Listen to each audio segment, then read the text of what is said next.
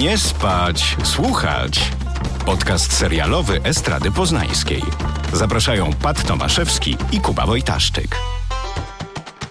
Dzień dobry Państwu, witamy w 61. odcinku podcastu Nie spać, słuchać.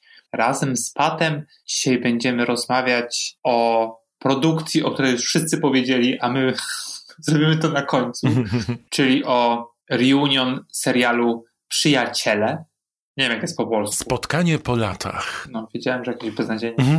Spotkanie po latach z bohaterami serialu Przyjaciele, a później e, płynnym ruchem przejdziemy do kolejnego sitcomu o tytule Girls Five Eva, za produkcją którego stoi Tina Fey. Czy jesteś, Patrycjuszu, gotowy? Tak, jestem gotowy. Powiemy też kilka zdań na temat finału Mare's Is Down, bo przez ostatnie pięć tygodni byliśmy z wami i sześć nawet tygodni mówiliśmy o tym e, serialu, o wrażeniach z kolejnych odcinków. Obstawialiśmy nawet z dziewczynami z e, podcastu Prawdziwe Zbrodnie, kto jest tym killerem. Teraz już wszystko wiemy i możemy spojrzeć na serial jako całość. Nie spać, słuchać.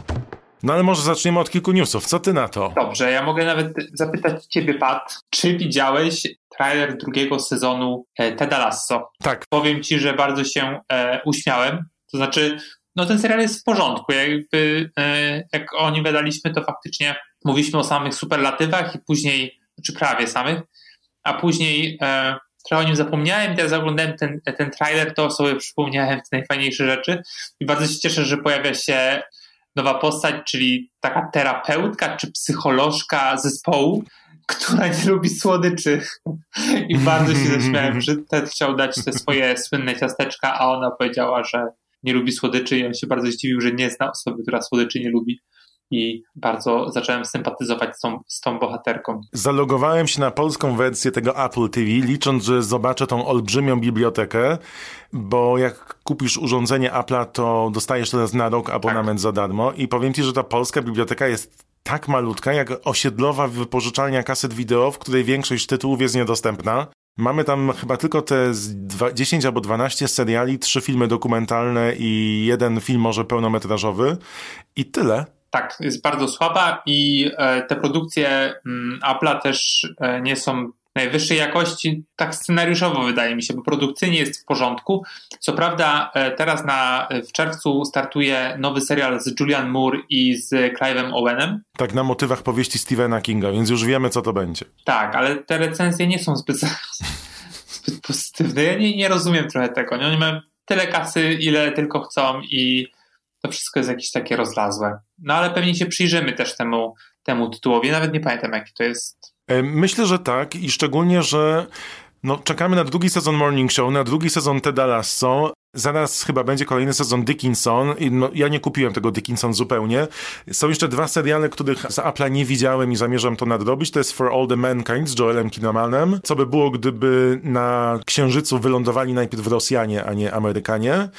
I drugi e, serial nazywa się Defending Jacob i tam gra między innymi e, Mary z Downton Abbey, tak. Lady Mary, Michelle Dockery i tam chyba gra Kapitan Ameryka, tak? Jeżeli się tak, nie mylę. Chris Pine, ale no... Chris Evans, a nie Sorry, Pine. no i tych jest tyle tych Chrisów tam. Tak, tak, Chrisów. E, no recenzje są, średnie, Chris Jenner. recenzje są średnie i to już chyba z tamtego roku jest ten serial, tak mi się wydaje. I to jest taki bardzo soap opera trochę. Znaczy taki, wiesz, w takim klimacie lekkim. Jakoś nie mówi się globalnie o tym tytule, więc może masz rację. No zobaczę, to jest ponoć taki jeden weekendzik oglądania. Ja bardzo czekam na serial z Andrew Scottem, czyli Hot Priestem z Fleabag, czyli na utalentowanego pana Replaya w Showtime. Nie widzimy jeszcze nawet pierwszych zdjęć, nie widzimy zwiastuna, ale y, świat obiegła informacja, że postać March, czyli tą, która w filmie Mangeli grała Gwyneth Paltrow, zagra Dakota Fanning. No, to beznadziejnie. To jest ta aktorka, która jako mała dziewczynka towarzyszyła Tomowi Cruzowi w Wojnie Światów. No tak. I siostra Elfanning. No, Elfanning jest. jest dobra, a Dakota nie jest. South Dakota.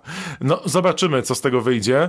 Mam też newsa, który poniekąd nawiązuje do kilku naszych poprzednich odcinków, bo mówiłeś niedawno a propos afery Watergate, że dzieje się tak, że czasami powstają dwie niezależne produkcje w tym samym temacie. I Jesse Plemons, to jest ten, który grał męża Kirsten Dunst w drugim sezonie Fargo, dołączył do Elizabeth Olsen, znanej z WandaVision i zagrają w serialu HBO, który pisze i reżyseruje David E. Kelly. Nazywa się to Candy Montgomery i to jest historia gospodyni w Teksasie, która w latach 80. siekierą zabiła przyjaciela po powrocie z y, kościoła.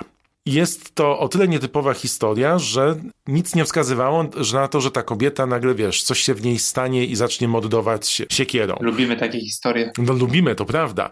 No i co jest ciekawego, to w czasie, w kiedy David E. Kelly, czyli twórca Ali McBeal, między innymi Małych Kłamstewek, pisze i reżyseruje ten serial, powstaje druga produkcja, która nazywa się Candy i jest ona oparta na książce Dowody prawdziwej miłości, historia pasji i śmierci na przedmieściach w Teksasie. I tam rolę Candy zagra, uwaga, Elizabeth Moss, czyli June, podręczna, czyli Peggy z Madmena. No ona to po prostu zawsze takie te role wybiera. No, jestem bardzo ciekaw tego, tych, tych dwóch produkcji, bo temat ciekawy, tylko patrz, dwie, dwie tęgie głowy się zebrały za, za ten sam temat w tym samym czasie. Nie? No ale to, to jest takie irytujące, no bo to czemu, masz, wszystko jest czemu chcesz oglądać, znaczy okej, okay, z punktu widzenia krytyki to może być ciekawe, że porównujesz dwa seriale i jak podchodzisz do danego tematu, ale naprawdę ludzie mają czas, jakby cenią swój czas. Niekoniecznie muszą go dzielić na dwie takie same historie, tylko z innymi aktorami. I jeszcze białymi wszystkimi że po prostu naprawdę, jakby nie można było zrobić jednej produkcji, niech się umówią, a drugą zrobią inną. Mało to historii na świecie, ja jej mogę niech napisać. Niech się umówią, idźcie na kawkę i niech ktoś zrobi o innym. No niech sobie zmienią... rzucą to, tak, i druga nie będzie miała Candy, tylko Cindy po tym spotkaniu. Crawford. Cindy Crawford, o to by było super. Cindy Crawford pojawiła się w Przyjaciołach, zaraz do tego przejdziemy. Mam jeszcze dwa newsy. Chris North, czyli pan Big dołącza do re rebootu Seksu w Wielkim Mieście Jezu. bez Samanty. Twój ulubiony serial, więc na pewno się bardzo ucieszyłeś z tej wiadomości. W ogóle mnie to nie interesuje. Oczywiście obejrzę, ale jakoś naprawdę no mnie też, jak, myślałem, że pójdą w innym kierunku, że on już nie żyje i wiesz, i zrobią zupełnie nową historię, przecież zmieniają też te, tytuł, nie? Jaki? Bo ten reboot nie będzie się nazywał Seks w Wielkim Mieście, tylko And Just Like This. Albo And Just Like That. To bardzo głupio. Tak. No bo gdyby mieli seks w Wielkim Mieście, to tam musieliby w jakiś sposób pływami podzielić się z Kim Cattrall. A. A w ten sposób, mając nowy tytuł, nie muszą, wiesz, nawiązywać do całej czwórki. Widzisz. Spryciula. No i jest jeszcze historia y, filmowo-serialowa, czyli Joseph Gordon-Levitt, który ostatnio na dużym ekranie pojawił się jako, przynajmniej w moim mniemaniu było to niedawno, jako Batman u boku Christiana Bale'a. Kojarzysz? Nie jako Batman, tylko jako, o, jako Robin, Robin u, u boku Ale Batmana, pojawił tak. się też ostatnio w innych. Był film na, na Amazonie, którego nie widziałem, ale też w mniejszym filmie z tamtego roku, w którym można było go oglądać, to była Trial de Chicago 7, jak to się nazywało po polsku? Proces siódemki z Chicago. Tak, no i on był tym prawnikiem, który sądził tych Ty, e, faktycznie, ale jakoś zapomniałem o tej jego postaci. Mocno. No bo tam tyle było tych y, znanych twarzy, że... To prawda. No i on dołącza do Kyla Chandlera, którego serialomaniacy mogą kojarzyć z Friday Night Lights albo jako słynnego strażaka, który wybuchł w Grey's Anatomy w chirurgach. I oni e, będą występowali w opowieści, która, uwaga, zdradzi w jaki sposób do władzy doszedł szef Ubera, Bill Gurley. Tak, to mnie bardzo ciekawie. To widziałem i faktycznie, ja lubię tego aktora. Znaczy obu lubię tak. generalnie. Kyla też i on... E... Kyle Chandler grał też w tym serialu Netflixa Bloodline, jeżeli się nie mylę. Tak, tak. I e, ostatnio się pojawił również King Kong vs. Godzilla, czy tam się nazywał. I to jest taka postać, e, on jest takim aktorem, który zasługuje na więcej bo on jest naprawdę dobry. Ostatnio sobie rewatchowałem e, Wilka z Wall Street mm -hmm. i on tam gra agenta FBI e, i to dosyć sporej roli. Jest świetny i generalnie to jest trochę tak, że on cały czas jeszcze funkcjonuje na takim, jest na takim etapie kariery dziwnym, że to jest ten koleś, którego kojarzysz, a nie, nie do końca znasz jego nazwisko i imię. A on jest przecież, no przecież w Bloodline grał główną rolę. Co prawda tego serialu nie widziałem, ale do końca, widziałem tylko jeden odcinek. No ale to jest koleś, który się pojawia na ekranie dużym i małym, jakby co roku przynajmniej w jednej produkcji. No ale ma pecha, bo ludzie o nim zapominają no tak. szybko, bardzo szybko. Ja tak właśnie myślę, kto go wygryzł jakby, wiesz, ten market correction zrobił, bo, bo wydaje mi się, że on naprawdę zasługuje na większą popularność niż ją ma. To co, przejdziemy do tego tytułu a propos Cindy Crawford. Po 17 latach drugi raz w historii cała szóstka przyjaciół zebrała się w jednym miejscu i to po to, by powspominać sukces, fenomen światowy oraz historię z zakulis kręcenia serialu Przyjaciele. This is from the one where everyone finds out. Oh, oh, my eyes! I know. when I watch the episodes, I'm laughing out loud because you all make me laugh so hard. It was an incredible time. We became best friends. Kuba jako wielki fan serialu z łezką i ręcznikiem podszedł do projekcji. Po pierwsze godzina 40. To jest naprawdę przesada. A powycinali dużo rzeczy. zacznij ty. Czy to westchnięcie powiedziało wszystko u Kuby Wojtaszczyka? Być może. To ja najpierw e, może zróbmy mały wstęp. Ja widziałem każdy odcinek Przyjaciół kilkanaście razy. Były takie momenty, kiedy przyjaciele emitowani byli na bieżąco, jeszcze z dubbingiem na Kanal Plus w paśmie niekodowanym. W wersji polskiej występuje Rachel Agata Gabrońska, Monika Anna Apostolakis, Febe Joanna Wizma. Nagrywałem wówczas wszystkie odcinki na VHS, to były lata 90., 95, 96, 97 i, i wyżej. I w momencie, w którym sezon e, się kończył, odtwarzałem te kasety non-stop aż do nowych odcinków przez kilka miesięcy. No, domownicy mnie nienawidzili. Mówiłem tekstami, których nikt z moich rówieśników nie rozumiał. Kilka lat później przyjaciele pojawili się na Polsacie, no i odkryłem, że jednak je, nie są w oryginale w języku polskim. Mm. I odkryłem prawdziwe głosy i dowiedziałem się, że Phoebe to jest Phoebe, a nie Febe. Goście roku Chandler i Ross Włącz swój telefon, Rachel. Febe to świetne. Coś ty? Ale Rachel nie rymuje się z telefonem. No wiem, ale nie mogłam znaleźć rymu do twojego głupiego imienia i tym podobne, że nie ma polskich reżyserów tam, bo zawsze pod koniec polskiego dubbingu mówiono reżyseria Miriam Aleksandrowicz albo reżyseria Ewa Kania. A tu jednak tak nie było. Reżyseria Miriam Aleksandrowicz. No i z tym serialem byłem związany bardzo, do tego stopnia, że no generalnie pół chaty miałem ze wszystkim z przyjaciółmi, a nawet był taki okres chyba, kiedy studiowałem, nie miałem co powiedzieć na ścianach, to miałem wszystkie plakaty z przyjaciółmi i byłem częścią tego fandomu.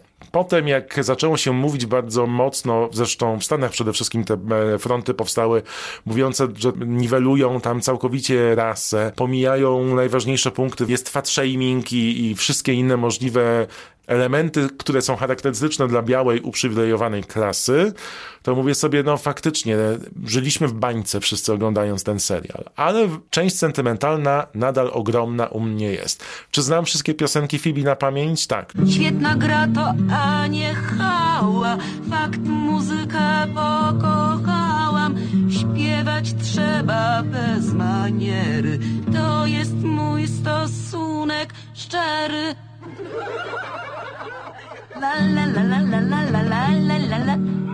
Czy wiem, czego panicznie boi się Rachel Rybek? Tak. Czy jestem w stanie powiedzieć, z jakiego odcinka, mimo że ich jest 236, pochodzi dany cytat? Oczywiście. Czy czekałem na to reunion? Nie do końca, ale czy oglądało mi się to przyjemnie? Tak. Czy to jest potrzebne? Nie. Nie. Ja oczywiście z przyjaciółmi nie mam takiego sentymentu. Kojarzy mi się ze studiami, gdy nasz anglista nam puszczał tenże serial w oryginale. Oczywiście oglądałem wcześniej i pewnie później też e, jakieś poszczególne odcinki, ale już chyba kiedyś o tym rozmawialiśmy, że faktycznie u mnie ten sentyment nie istnieje. Ja wiem, że teraz się ogląda te wszystkie sitcomy e, w czasie COVID-u i ludzie na nowo kochają je i e, przeżywają te same emocje, które były kiedyś przeżywane przez e, wcześniejsze pokolenia, ale ja takiego wyuczonego czy wtłoczonego sentymentu trochę nie kupuję a może nie kupuję jakby dla siebie, w sensie ja u siebie takiego czegoś nie widzę.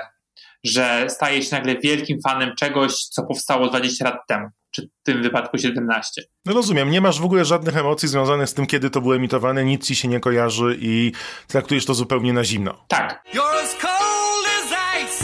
Tak, wiesz co, myślałem, że tak nie jest, ale włączyłem dopiero wczoraj ten reunion, no i bardziej mnie to chyba zirytowało niż niż zainteresowało. To znaczy to, tak. To powinna być taka drinking game, bo to, chyba, to jest zdanie, które powtarzasz w każdym odcinku tego podcastu. Tak? No widzisz. A w ogóle Ale jak jest... mówisz reunion, to mi się kojarzy, pamiętasz, był taki specjalny odcinek SNL-a na 40 lat i Adam Sandler był przebrany za wampira z opór śpiewał reunion, reunion. Reunion, reunion.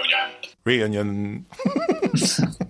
Znaczy tak, ten odcinek specjalny składa się z kilku elementów, bo tak naprawdę mamy element, który mi się najbardziej podobał, bo był taki trochę jak z reality show, że oni wchodzą pojedynczo na plan, e, który został zrekonstruowany, no i się witają, no i faktycznie rzad, tam rzadko się widzieli w grupie po, po, e, po, po, skończeniu emisji. Tak, i to jest bardzo, bardzo ciekawa rzecz, bo to właśnie to był jeden z warunków, dla którego przystąpili, bo oni się umówili z reżyserem, jak e, miał z nimi poszczególne spotkania, że nie chcą się widzieć przed tym nagraniem, bo chcieli, żeby te emocje były prawdziwe. Więc oni ich osobno transportowali na plan. I faktycznie to było fajne, widać, y, że niezagrane, że naturalne, że oni są fajnymi ludźmi po prostu, takimi, że chciałbyś się z nimi trzymać. Tak, i że lubią siebie. Tak, że lubią siebie, pomimo, że jak patrzyłem na nich wszystkich, to poczułem się staro. No bo faktycznie oni wracali, tam e, rozmawiali z, z twórczynią i twórcami tego serialu i faktycznie mówili o castingu, pokazywali te pierwsze zdjęcia ich, w jakich produkcjach zaczynali, skąd ich ściągali i tak dalej. To było faktycznie ciekawe. E, co dla mnie, jako takiego, wiesz, gika trochę lat 90., no bo faktycznie lubię czasami sobie zajrzeć do takich staroci, które kojarzę.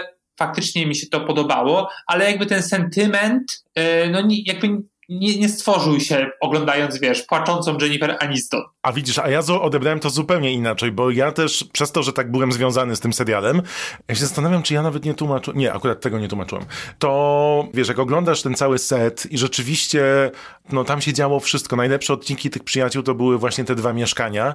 To jest, przychodzą te wszystkie emocje. Jeszcze widzisz reakcje ich, którzy rzeczywiście nie widzieli tego i przypominają sobie wszystko, co przez te 10 lat y, trwania i nagrywania tam się działo. To to mnie złapało i to też bardzo ładnie określiłeś to były szczere emocje.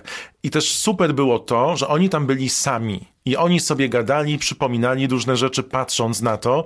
I to jest też ta część tego spotkania po latach, która mnie najbardziej się e, podobała. Uważam, że ona była najbardziej napakowana takimi wspomnieniami i chciałbym ją zobaczyć dłużej właśnie i tak. powyciągać tych historii więcej, bo to jest, wiesz, to jest właśnie takie prawdziwe spotkanie po latach.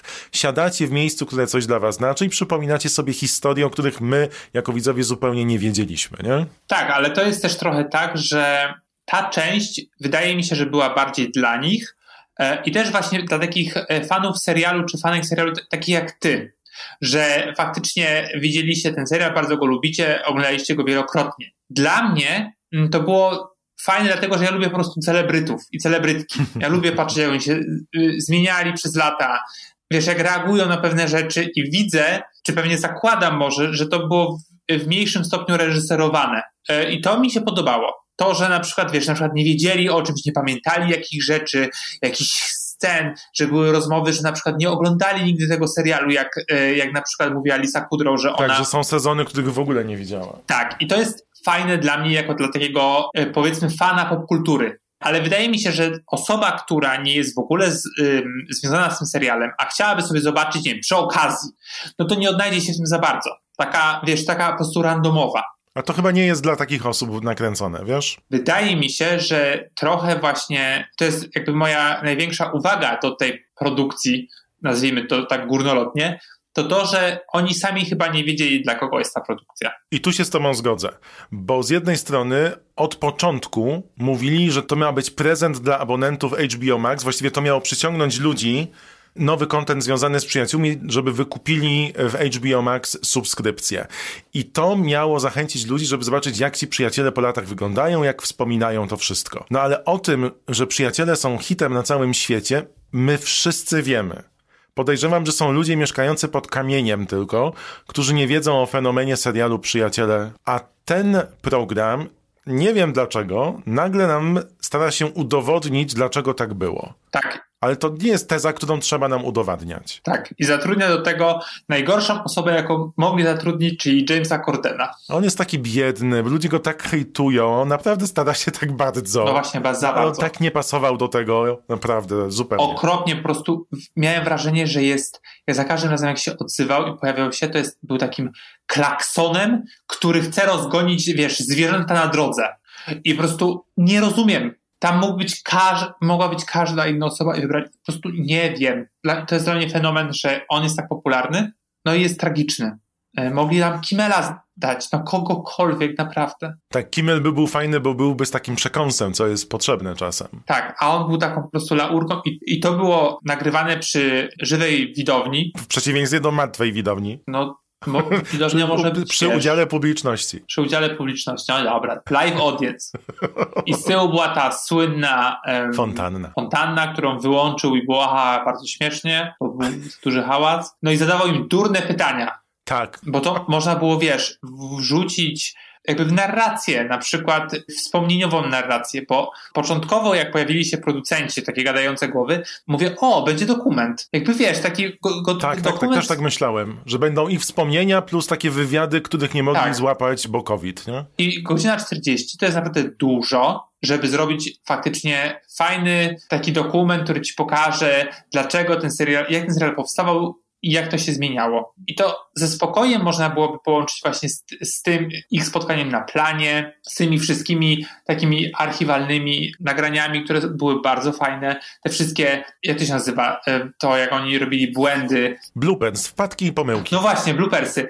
I jak oni właśnie, y, jak, jak robili błędy w czasie kręcenia, jak żartowali, to było bardzo fajne, że na przykład pokazywali tę ich przyjaźń właśnie mm, w takich momentach, jak jest scena i powiedzmy Joey robi jakiś żart, jest cięcie, bo robi to specjalnie, jest cięcie i ma zagrać jeszcze raz tę scenę, a na przykład w tle trzy inne osoby z, z obsady robią, powtarzają ten jego żart z poprzedniej sceny.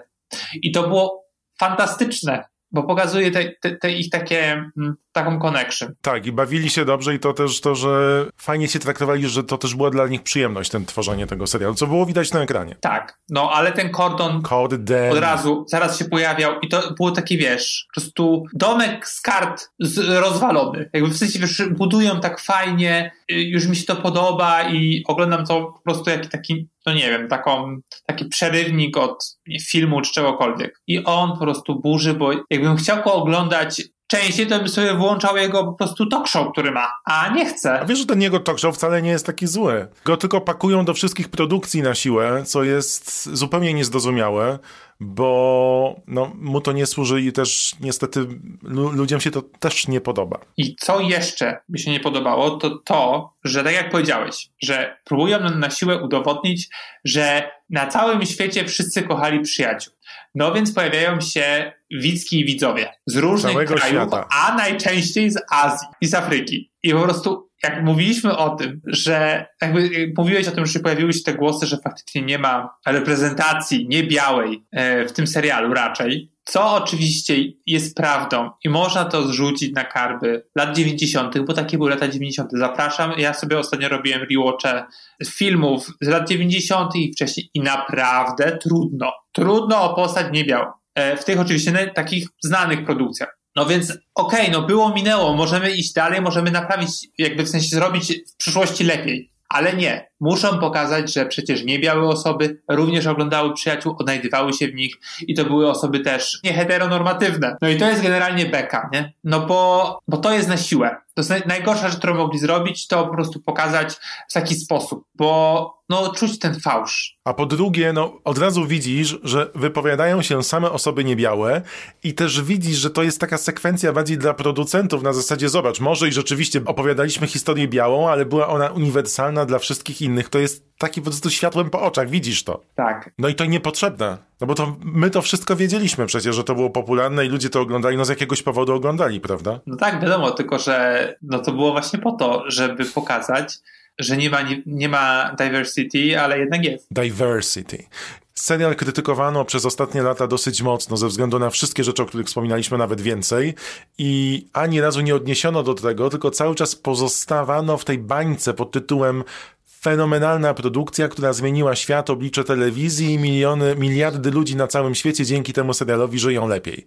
Dziękuję. No tak, bo to jest laurka, no. Tak. No Z kokardą wiel- wielkości hangaru. No i jeszcze pozapraszali celebrytów. A powiedz mi, Kuba, po co oni to zrobili? No nie wiem, znaczy wiesz, jeżeli pojawiłyby się osoby jak Reese Witherspoon, która faktycznie się pojawiła na ekranie, grała siostrę w jednym odcinku, tak, czy w dwóch, Jennifer Aniston. Mieszkaniowe spodnie z Phoebe. No i okej, całkiem w porządku, ale jeżeli David Beckham, tak. David Beckham albo no tam Mini Kaling, to naprawdę, BTS. to, to już jest po prostu żart. Po prostu dosyć, że muszę się, muszę dowiedzieć, kim oni są, a nie chcę, nie chcę tego wiedzieć. Oj, Kuba, jaki ty jesteś, tam, to ty żyjesz pod tym kamieniem może. Ja, muzyka do widzenia, a muzyka współczesna jakiegoś boys bandu, naprawdę, Zobaczysz, minie kilka lat i będziesz prowadził podcast o K-popie i nie tylko. na pewno. No było to niepotrzebne, rzeczywiście, bo pewnie musieli wydać jakoś budżet, zapłacili tym wszystkim znanym osobom niezwiązanym z serialem, żeby powiedzieć, jak fajny był dla nich serial jak oglądali kilka odcinków i się uśmiechnęli, bo do tego się to sprowadziło. A no i jeszcze, a, po prostu Lisa Kudrow śpiewa piosenkę Smelly Cat Tak, kocham. Po polsku to było wonny kot, wonny kot. i wchodzi Lady Gaga i śpiewa razem z nią. Ja mówię, no naprawdę. I później I dziękuję chór ci. jeszcze na to. I ten chór, ten gospelowy chór i jeszcze ona mówi, no e, Lady Gaga, dziękuję ci Lisa, że byłaś reprezentantką nas, tych takich dziwnych osób, nieprzystających, a ona, no dziękuję, że dalej niesiesz tę pochodnię, ale To, przynajmniej, to przynajmniej, przynajmniej. Przynajmniej, bo ja Lisę kocham najbardziej na świecie i jak powiedziała, że jak wszyscy pośpiewali sobie, to powiedziała, że ona i tak najlepiej śpiewa. To prawda. To było najwspanialsze. No bo jakby wcieliła się, wcieliła się w Phoebe. Tak. Ona zresztą mówiła na początku, jak się przygotowała, że mm, producenci zapisali ją na lekcję gitary. Ona mówi, nie, Phoebe nie umiałaby grać na gitarze, więc absolutnie nie poszła na jedną lekcję. Nauczyła się czterech akordów i na tym wjechała wszystkie 10 sezonów, co jest super. I jej piosenki, czy znam wszystkie na pamięć, to w wersji polskiej? Tak. Czy ulubiona to Ty psico reklamico? Y, W oryginale You Jingle Whore? Jingle bitch screwed me over.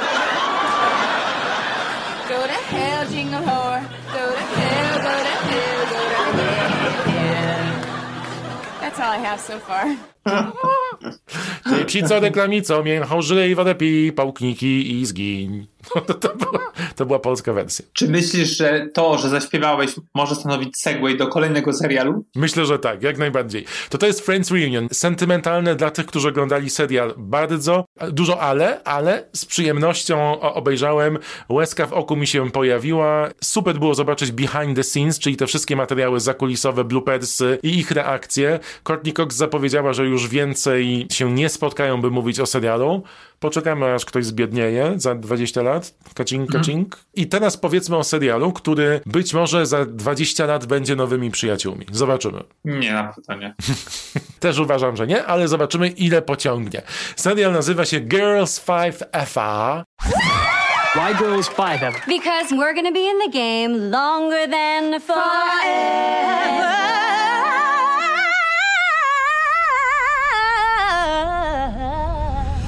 Because forever is not enough. Tak, ta piosenka jest wspaniała. Gonna be famous forever. Cause forever's too short. So what are you waiting? Five girls, five ever.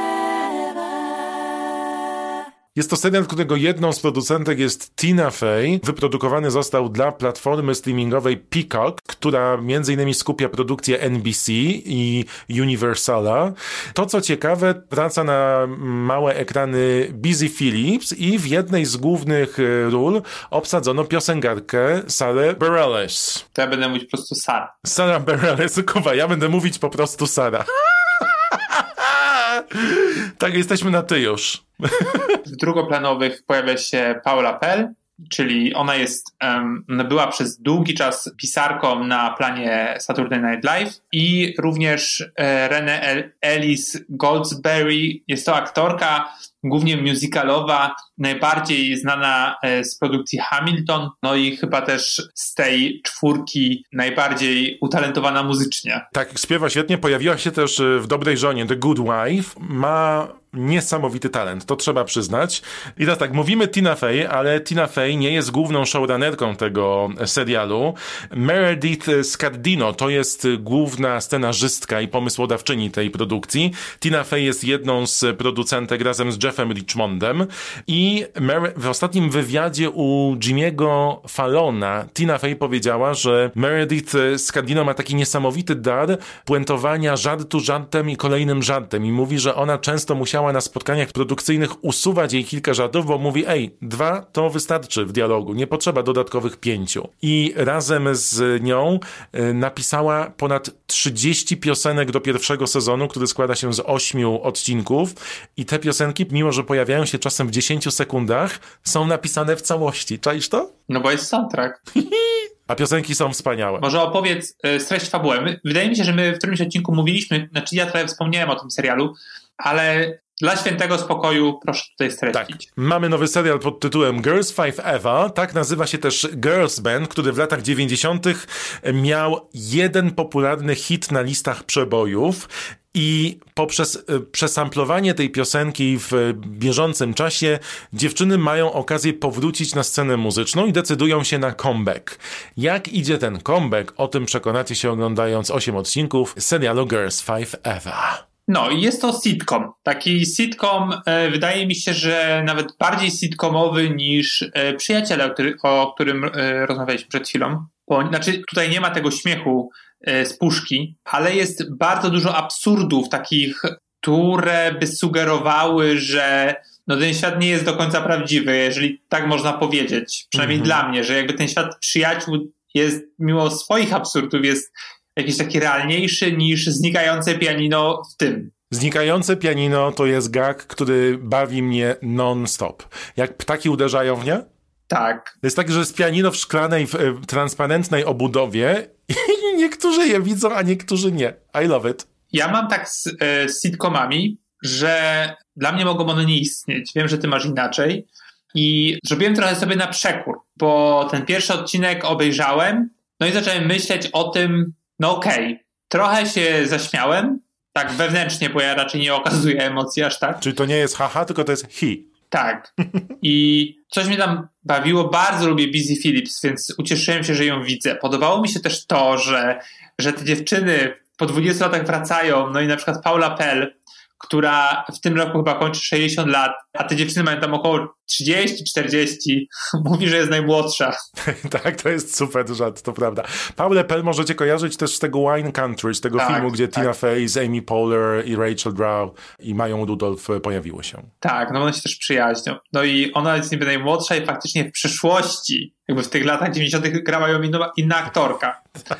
No i tam też jeszcze była piąta wokalistka, Ashley, która e, zginęła. I jest ławką. I jest, i, tak, dali taki pomnik ławkę i no i to jest taki trochę suchar i też jakby potwierdza regułę Hollywoodu, że no to jest aktorka, która y, ma korzenie y, azjatyckie, no i ginie, jakby w sensie nie ma jej tak naprawdę w serialu, tylko jest retrospekcja, jaki raz jako robot. Znaczy nie robot, taki jakby, nie wiem jak się nazywa. Robot, kocham. No taki, że jak się nazywa? Hologram, tak.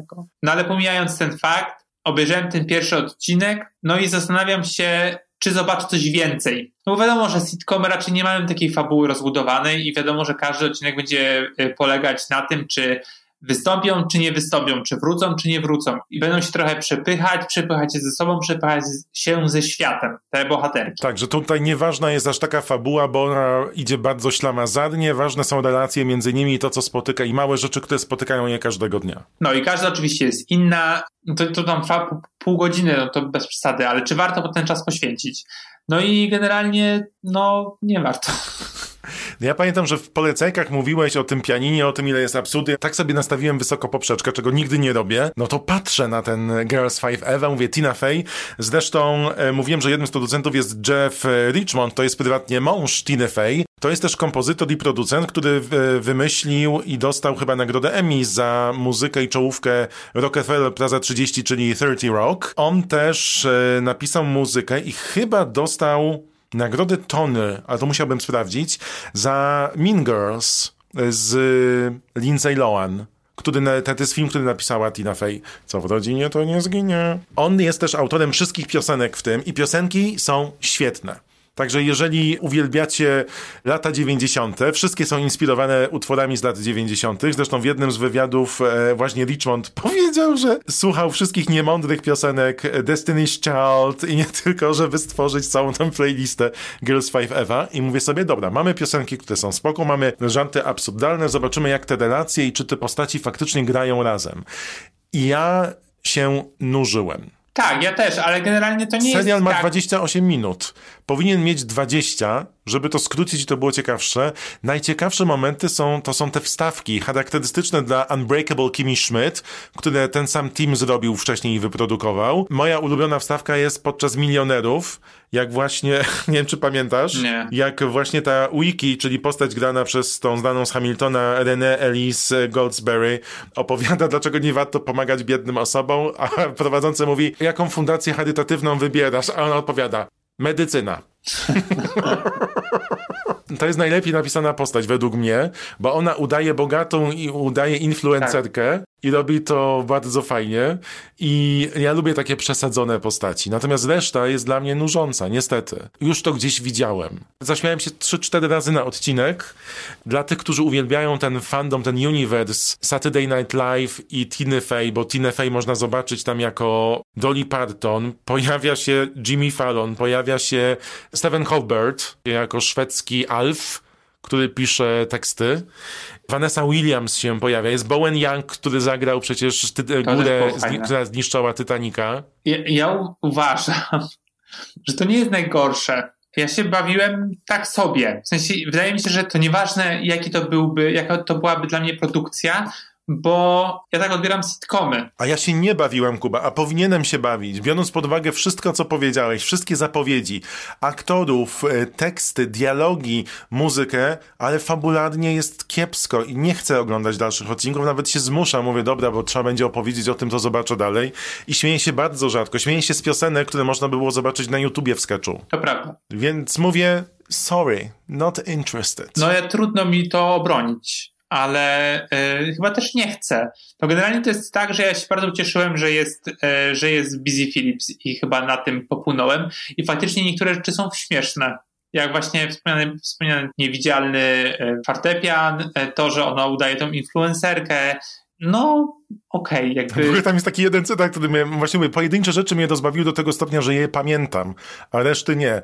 I ta postać grana przez Paul Lepel, Glorię, w pewnym momencie robi próbę przez telefon, bo nie może wyjść z gabinetu i jednocześnie boruje ząb jakiegoś gościa i śpiewa z nimi i one śpiewają, a ona mówi, Boże, poczułam to, co on zjadł półtora roku temu. No, no właśnie, ja nie lubię takich żartów. I, e, wydaje, i mnie się wydawało, że... Mnie to nadal bawi.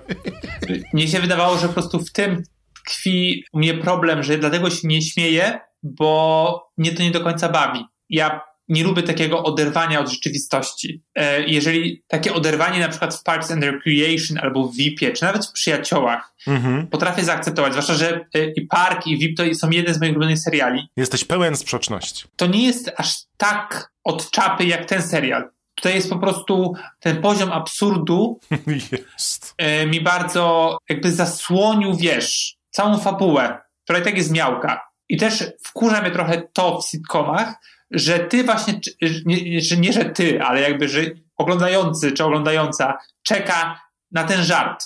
Że jakby to oczekiwanie na to, to coś śmiesznego, to ma się zaraz wydarzyć, jest ważniejsze niż śledzenie tego pomiędzy. To tam, gdzie powinna być, wiesz, zalążki fabuły, która popycha akcję do przodu. I tak naprawdę, jeżeli napisać by dobrze te wszystkie skecze pomiędzy, znaczy jakby te skecze, to, to to wystarcza. A to ja mogę sobie odświeżyć SNL-a sprzed 20 czy 10 lat i też będę się śmiać. Ja myślę, że ten serial był konstruowany na zupełnie innej zasadzie i myślę, że tu jest clue tego, jak my postrzegamy ten serial. Bo cały team, który robi to, czyli od Tiny Fey, przez tego wspomnianego jej męża Jeffa Richmonda po Meredith Scardino, oni wiedzą, jak żyją dowcipy obecnie. Oznacza to, że w większym ciągu fabularnym, jaki jest serial albo film, one żyją tylko w postaci krótkich memów albo scen, które potem pojawiają się na YouTubie, na TikToku, na Instagramie w formie minutowej. I tak jest ten serial tworzony. Dla tych żartów mam wrażenie, że więcej czasu spędzili nad tymi elementami komediowymi, jak teledysk do piosenki, w której śpiewają dziewczyny, że jeżeli facet mnie zdradzi, to obwiniam laskę, a nie niego i zrzucają jakąś kobietę z łóżka. Tak, no i później one jakby z tego e, wychodzą, że muszą zmienić teksty, no bo Tak, te w latach tak, 90. były szowinistyczne. I nad tym poświęcają mnóstwo czasu, a ta fabuła dotycząca tego, czy one wrócą, czy napiszą piosenkę, czy nie, jest dopiero na drugim miejscu. I ja to rozumiem, bo ja też po tym, jak to zobaczyłem, to pierwsze, co zrobiłem, to na YouTube, czy ten żart z milionerami na przykład jest. I wydaje mi się, że oni są bardzo mądrzy w tym kontekście, że produkują content, który powstanie na wielkie lata, no ale zapominają, że my musimy się złapać na coś, nie? Żeby chcieć losy tych bohaterów znać, a po drugie, żeby ich polubić. I tutaj jest mój największy zarzut do tego serialu, bo dla mnie te postaci są niestety jednowymiarowe. No, no i super. To przejdźmy do postaci, które są wielowymiarowe. O. Maybe you could be my mom for a second. What's going on? I didn't know when you asked me before. I swear I didn't know. What didn't you know? Teraz przechodzimy do finału Mare's Easttown. Wiemy, kto zabił, wiemy po co główna bohaterka często zjawiała się w domu pewnych staruszków. Wiemy po co zasiano pewne ziarno w poprzednich odcinkach. Jesteśmy po siedmiu godzinach spędzonych z Kate Winslet i Julian Nichols w serialu Mare z Easttown. Czy to jest serial? Nicholson. Nie Paulson. Julian Nicholson. Julian Nicholson. Proszę mów jeszcze raz wstęp. Proszę, proszę, proszę. No nie, powiedz ty, powiedz ty. To przechodzimy teraz do finału Mare's Easttown z Julian Nicholson. Nie, na pewno tak nie jest, Kuba. Julian Nicholson. Gra Lori Ross. Również gra tam Kate Winslet, która gra Detective Martian. Detective? I Julian, I Julian Smart, która gra Helen... Ugh, nie wiem, Ju- czy- Julian Smart? to ładne. To może jeszcze raz i... Ostatni raz. Cio. Przechodzimy do finału serialu Mare's Easttown, gdzie co tydzień przez ostatnie 7 tygodni mogliśmy spotkać się na ekranie z Kate Winslet, Julianne Nicholson, Jean Smart czy chociażby Guyem Pearsem. Kuba, czy jesteś usatysfakcjonowany rozwiązaniem zagadki kryminalnej w Mare's Easttown? I jak oceniasz serial jako całość? To trzeba też dopowiedzieć, że jeżeli nie chcecie, żebyśmy spoilerowali ostatniego odcinka, to po prostu wyłączcie. To ładnie, a to, ja, to zróbmy taki komunikat, taki poważny komunikat. Nie. Uwaga!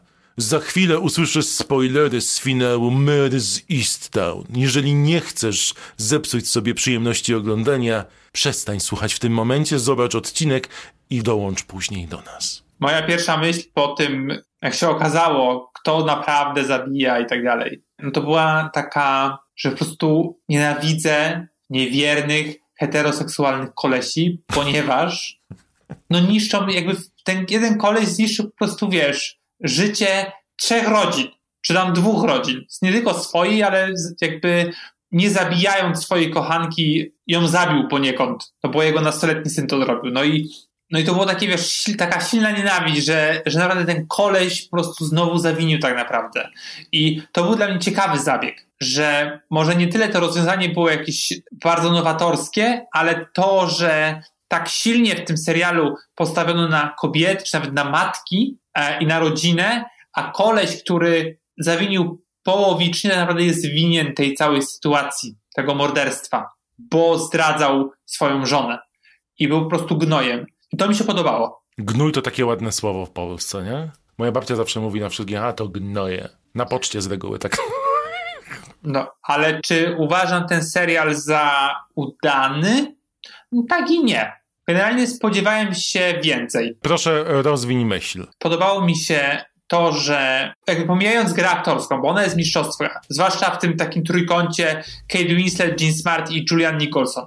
Jakby też cieszę się, że ta ostatnia, czyli ta, która gra Lori, przyjaciółkę Kate, dostała tyle do zagrania. Tak, i w ogóle i to, jak ona zagrała, szczególnie w tym ostatnim odcinku. Tak. Szapoba, znaczy szafonte, jak mówiła Renata. I po prostu Hollywood powinno już jakby zatrudniać ją częściej. Tak. Bo ja już na nią zwróciłem uwagę wcześniej, ale faktycznie rzadko się pojawia, nie wiem, w pierwszoplanowej roli nie widziałem jej nigdy. A wydaje mi się, że spokojnie mogłaby ponieść film czy serial, no już nieważne. Zgadzam się. Ale co mi się nie podobało, były dla mnie sceny, które były niepotrzebne. I też na przykład nie jestem pewien postaci Gaja, Gaja Pierce'a. Okej, okay, rozumiem ten, e, to puszczenie oczka, że 10 lat temu zagrali razem z Kate Winslet e, w Mildred Pierce i teraz pojawił się tylko dlatego, żeby po prostu, nie wiem Żeby co. zbić fanów z tropu ponownie. Ktoś inny miał jego grać. Tak. Ale musieli dokręcić te, te, sceny przez COVID. Jakby nie powrócił po prostu na plan ten koleś. No i faktycznie pojawia się w czterech czy tam pięciu scenach Guy Pearce, no i, i okej, okay, wprowadza zamęt, bo, bo to jest śmieszne, że ludzie go oczywiście od razu... Tak, spekulacjom nie było końca. Tak, że to on, a tak naprawdę pojawił się tylko tam, żeby powiedzieć swój mini monolog na koniec o starzeniu się. I no i to było okej, okay, jakby no. Tak. W tym odcinku, y, ten ostatni odcinek no na pewno był lepszy niż ten poprzedni. Trzeba było jakoś tą, tą historię zawiązać. Czyli e, no jest to czas pożegnań. I to pewnie nie tylko Kate żegnająca swoją córkę okropnie źle obsadzoną, która wyjeżdża do koledżu, ale też żegna się metaforycznie ze swoim synem, który popełnił tam samobójstwo, czyli wchodzi na strych, jak, jak radziła jej terapeutka, poniekąd, ale też nie do końca zakąpują topór wojenny z Jean Smart przy stole w restauracji. No i to była powiedzmy scena w porządku, ale też mam takie wrażenie, że trochę pościnano końce, takie rogi tego odcinka, że przez przypadek wpadła na laskę, która była kochanką kiedyś tam Julian Nicholson męża, no i dowiaduje się, że jednak nie jest już jego kochanką. No i to powoduje, że szuka dalej, że uznaje, że to jednak nie mąż Lori zabił tę nastolatkę z pierwszego odcinka. Jakby to były takie przypadki. Nie, no to było tak, że ona słuchała tej rozmowy jego w sprawie pistoletu, e, potem wpadła na nią. W ogóle super jest to, że wpadły na siebie w restauracji i tam mówi hej Mer, a ona fuck off. to jest ludzkie bardzo, to mi się podobało. Że to nie było na siłę, ej, hej, chciałabym cię o coś zapytać, tylko wiesz, naturalnie. No przecież ona nie szukała sama, zostawiła ten temat, aż nie zadzwonił ten sąsiad. Więc to nie było tak, że aktywnie szukała, tylko w głowie jej się rodziło, że nie wszystkie puzzle pasują do siebie. Ja tego tak nie odebrałem, ale ja też nie ukrywam, że jestem teraz bardzo pozytywnie nastawiony do całości, bo po zobaczeniu całości uważam, że to jest świetnie przeplecione ładnie i są callbacki do poprzednich scen i już widzimy i znamy nawet te miejsca, do których wraca, żeby coś odkryć i niezwykle mi się podoba to umoczenie całej rodziny Rosów w te zbrodnie. Bo ludzie obstawiali, czy to jeden brat, czy drugi, ty nawet mówiłeś, że Lori, a poniekąd wszyscy, wiesz, złamali prawo, nie? Nawet, wiesz, obstruction of justice było w przypadku Lori, bo okłamała oficera prawa, nie zdradzając prawdziwych szczegółów i motywów. I dużo pytań powstaje na zasadzie, jak daleko posuniesz się, żeby obronić rodzinę i tym podobnie, co jest dla ciebie ważniejsze. I to mi się podoba, ale najbardziej mi się podoba to przeciwstawienie tej relacji przyja- rodziny przyjaciółki z rodziną Mare i ich relacji w tym wszystkim. Uważam, że jest świetne, bo Med straciła syna, a teraz poniekąd jest odpowiedzialna poprzez to drążenie do tego, że jej przyjaciółka traci też syna i przyjaciółka ma mnóstwo emocji, które też przeżywa w związku z romansem męża, a jednocześnie, wiesz, decyduje się na taki ogromny gest łaski, wychowując jego dziecko. No, bardzo to jest poprzeplatane wieloma warstwami emocjonalnymi. To jest terapia, dzień dobry. To, ta, to dziecko się nie podniesie i ona też się nie podniesie. Przecież to jest nienormalne. Ty czujesz te wszystkie relacje. W jednym z wywiadów e, twórca Brad Inglesby mówił, że tematem przewodnim tego serialu jest łaska i żałoba.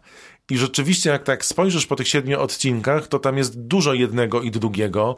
I tak właściwie ta zbrodnia, która się pojawiła, była pretekstem dla Mer do tego, żeby poradzić sobie z własną żałobą, jak zwrócisz uwagę na te siedem odcinków. Tak. Nie, nie ma tak jak ty. Ja uważam, że to jest jeden z lepszych seriali, które widziałem. Ja oczywiście, no, że lepszych ze wszystkich to nie do końca. Tutaj dla mnie jest dużo takich plusów. Wspaniała gra aktorska. To jest o, tak, że tak. Kate Winslet jest mistrzowska i, i fajnie ją po prostu było oglądać przez te siedem odcinków. Ale w ogóle nie wiem, czy słyszałeś też, co mówili twórcy. Słuchaliśmy pewnie, słuchamy też pewnie The Watch. Nie wiem, czy słuchałeś wywiadu z Bradem w The Watch. Tak. Brad Inglesby, który napisał tę postać, mówi, że oddał ją całkowicie w ręce Kate I bardzo często na planie było tak, że ona podchodziła do niego i mówiła, Mer by tak nie powiedziała. I w konsultacji zmieniali dialogi, bo ona już sobie wszystko z tą postacią ustawiła wcześniej. No bo odkryła swoje, w sobie wewnętrzną łajzę. Tak, i to jest super, bardzo mi się to podobało. I zresztą też bardzo mówił, jak ważny dla niego był humor. I nawet w tym ostatnim odcinku, jak ta matka spada z krzesła przy kolejnym Manhattanie. Tak, no generalnie, ale też śmiałem się, że naprawdę się nie mówi o tym, że one są ostrymi al alkoholiczkami. To prawda. No tam całe miasto pije, nie? Tam piwo to jest jak woda. A w ogóle nie wiem, czy zwrócisz uwagę, bo Kate mówiła o tym, jesteśmy na ty, Kate mówiła o tym w jednym z podcastów, że Mary nigdy nie pije wody w tym serialu. Zawsze pije jakieś wody słodzone albo piwo. No tak, no wiadomo. Pamiętajcie, pijcie wodę. Pasuje do postaci i ja też mam podwójną frajdę, no bo oglądam e, jednocześnie Hacks, czyli serial comedy drama e, z Jean Smart i po prostu to, jak ona w jednym i w drugim e, występuje, to jest coś niesamowitego, to jest zupełnie inna postać. To nie wiem, czy to był celowy zabieg, że te dwa seriale wystartowały na tej samej platformie, wystartowały w Ameryce w podobnym czasie, bo to jest po prostu taki no award season, nie? Run, że ona po prostu pokazuje, że ma taki range aktorski, że to jest tak. niesamowite. E, ona ostatnio była u Terry Gross. E, jeden z moich ulubionych podcastów w Stanach nazywa się Fresh Air z Terry Gross i w jednym z ostatnich odcinków właśnie Jean Smart opowiadała o początkach swojej kariery i o tym, że teraz właśnie wreszcie obsadzana jest w rolach, które dają jej możliwość zagrania całą sobą. I mówi o tym, że bardzo słodko-gorzkie są teraz te wszystkie gratulacje, które odbiera za Mares Easttown i za e, Hacks, bo mm, na początku początku marca tego roku e, umarł jej mąż i mówi, że cały sukces, na który czekała przez 60 lat, żeby podzielić się z tym mężem, pojawił się w momencie, w którym jego już nie było. No widzisz. Generalnie bardzo spoko. To jest miła rozrywka, w sensie miła, no relatywnie miła, no ale to też ciekawe, jak się zmienia serial kryminalny. Że nawet jak rozmawialiśmy tydzień temu o Broadchurch, że tam też była mała społeczność i te relacje były istotne mhm. ale nie na tyle, jak w tym serialu. Tutaj ta społeczna warstwa została podniesiona o mm, stopień wyżej. Mam takie wrażenie, że kryminał kryminałem, ale jakby cały czas te relacje pomiędzy czy to nastolatkami, czy dorosłymi i tymi rodzinami, czy członkami rodzin, cały czas dominowały, mam wrażenie. I te dwie kryminalne zagadki były tak naprawdę mm, poniekąd pretekstem do no jakby to z, zmian, od, nie wiem, no, percepcji tych osób, bohaterów i bohaterek e, na ekranie, czy dojrzenia do pewnych, e, nie wiem, rzeczy, no tak jak to, że zaczę, zaczęła Mary przepracowywać żałobę, czy starała się dogo, e, jakby pogodzić z matką, no to są takie ciekawe, jakby istotne, wydaje mi się, na takim serialowym ogólnie zmiany, e, które pewnie mm, nastąpią, bo ten serial jest, wydaje mi się, że sukcesem w Stanach, jakby wszyscy o tym mówią. Kuba jest takim sukcesem, że platforma HBO Max, która ma największe serwery w Stanach Zjednoczonych, miała wielką awarię, bo za dużo osób chciało w tym samym czasie zobaczyć Mers Easttown w Stanach. No, no bo to też, też wynika z tego, że po prostu nie ma, nie ma e, takiego serialu kryminalnego premium. E, który nie byłby po prostu proceduralem, a był faktycznie takim społecznym dramato, kryminałem, wiesz, cotygodniowym, bo to też jest ważne, że co tydzień siadasz i co tydzień dyskutujesz. Tak, masz taki kryminał obyczajowy, nie? To jest tak. fajne. Tak, rzeczywiście. I przede wszystkim patrzysz pewną społeczność, masz całkowicie skompletowany świat żywych, wielowarstwowych bohaterów i absolutnie się z tobą zgadzam. Rzadko, ale tak. No, ale no ja też nie uważam, że wiesz, że po prostu to jest serial życia i teraz wszyscy, wiesz, pokłony. No, jakby tam nie było Kate Winslet, to nie byłby ten sam serial, to nie przeszłoby aż tak dobrze. Ja tak nie gdybam, ja tak nie gdybam. Uważam, że mamy produkt, który jest świetny i będę go polecał. Będę go zjadł. Ja nie mówię, że nie będę go polecać, tylko uważam, że... Trochę mówisz. E, no bo tam jest wiele rzeczy, które e, są doklejone nastolatki są z innego serialu. I to, że już, na przykład. Już ten... wiemy, niespolatki się. Niespolatki? Niespolatki! Mamy nowe określenie.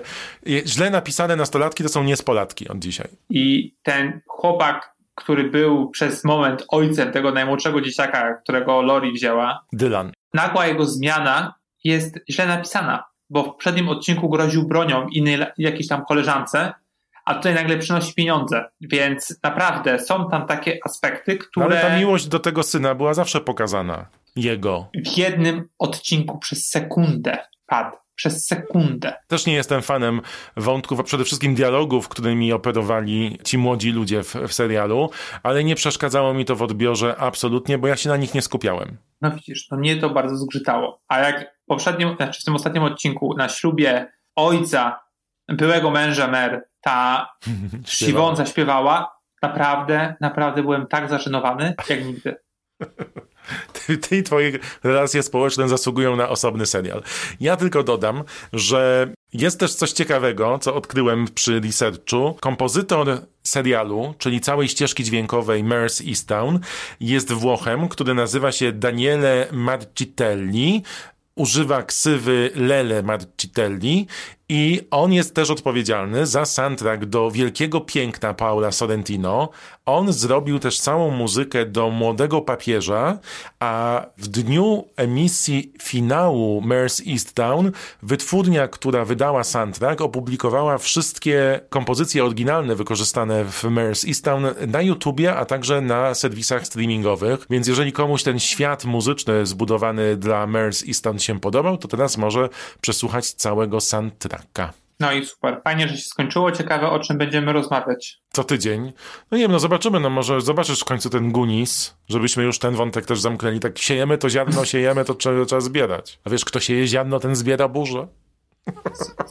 Są lepsze y, rzeczy. Znaczy, może nie, no obejrzę. Tylko wiesz, jak ja mam z tymi. Rozmawialiśmy przed chwilą o sztucznym sentymencie. No i po co mam oglądać coś dla nastolat, dla dzieciaków, czego nie poczuję do końca? Może znajdziesz w sobie część, która jest żywa, jak w tajemniczym ogrodzie, że jest jeden zielony listek. Poczty tych wszystkich cierni, które masz w sobie. Nie. To to był przegadany 61 odcinek podcastu Nie spać, słuchać. Dzięki. Bardzo, bardzo mi się podobało, jak nikt z nas poprawnie nie wymieniał nazwiska. Nie spać, słuchać. Producentem podcastu jest Estrada Poznańska. Wszystkie odcinki znajdziesz na estrada.poznan.pl.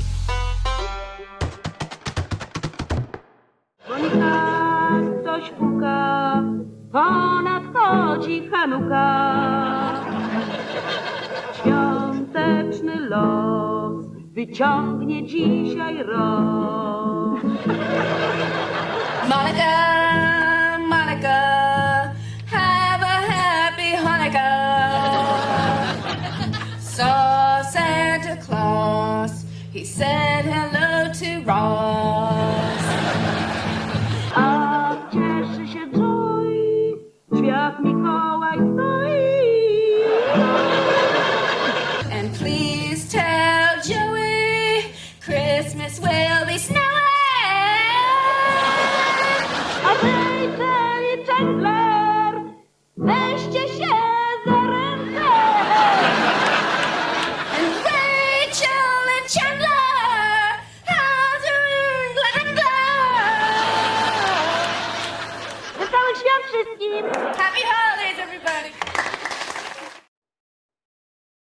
Ten, ten, ten, ten, Tens, tens, tens across the board. ten odcinek specjalny składa się z kilku elementów. Tens, tens, tens across the board. Ten, ten, ten,